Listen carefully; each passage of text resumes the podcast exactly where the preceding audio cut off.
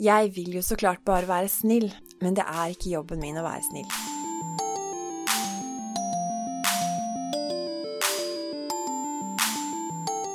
Hei, og velkommen til en ny episode av Sykepleiens podkast. Denne gangen så er det Liv Bjørnhaug Johansens faste spalte Liv laga dere skal få høre, og episoden har tittelen Engel eller idiot. Å, du er en engel, utbryter hun når jeg kommer inn i rommet med den koffeinfrie kaffen hun har bedt om, isbiter, en ekstra pute, wifi-instruksjoner, hårføner og iPhone-laderen jeg har brukt de siste 15 minuttene på å lette opp. Smiler litt stivner idet jeg erkjenner hva det egentlig er jeg driver med. Liv, sier jeg til meg selv. Du er ikke en engel, du er en idiot. En velmenende idiot som kaster bort tiden sin og undergraver sin yrkesstands integritet på å hente tulleting til folk som kan hente dem selv, klare seg uten til i morgen, eller få hjelp av hvem som helst andre enn en sykepleier. Jeg vil jo så klart bare være snill, men det er ikke jobben min å være snill. Jobben min er å observere, behandle, mobilisere, tilrettelegge, bistå, motivere og en hel del annet, men å oppvarte og lete etter dill er faktisk ikke en del av min stillingsinstruks. Norske sykepleiere har et renommé for å være snille som engler og usedvanlig hjelpsomme.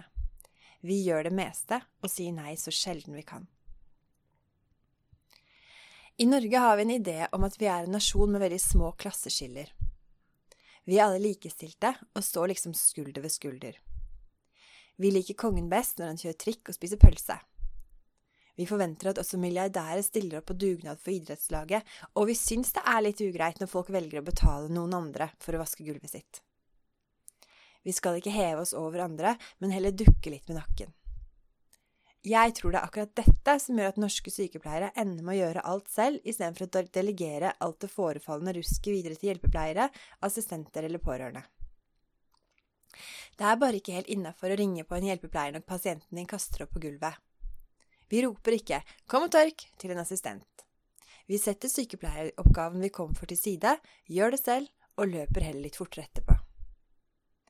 Men for hver ting jeg henter, for hver oppvask jeg tar, og hvert gulv jeg vasker, og for hver grå hårlokk jeg ruller selv, i stedet for å delegere til noen under meg, gjør jeg det lettere for helsebyråkratene å fjerne støttestillingene som gjør at vi slipper å kaste bort tiden på alt som ikke er relatert til det vi egentlig skal bruke tiden vår på – pasienter og behandling.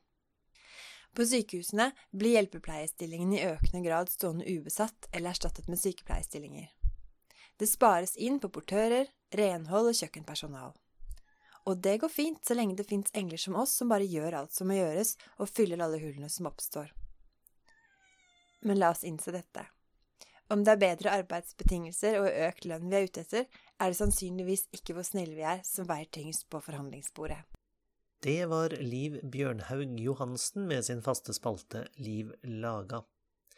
Om du vil høre flere episoder av Sykepleiens podkast, så finner du alle sammen på sykepleien.no, på iTunes og på podbean.com.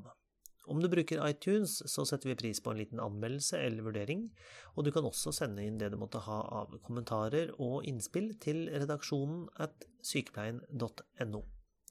Du når oss også via Sykepleiens Facebook-side eller vår Twitter-konto. Jeg heter Ingvald Bergsagel. Vi høres.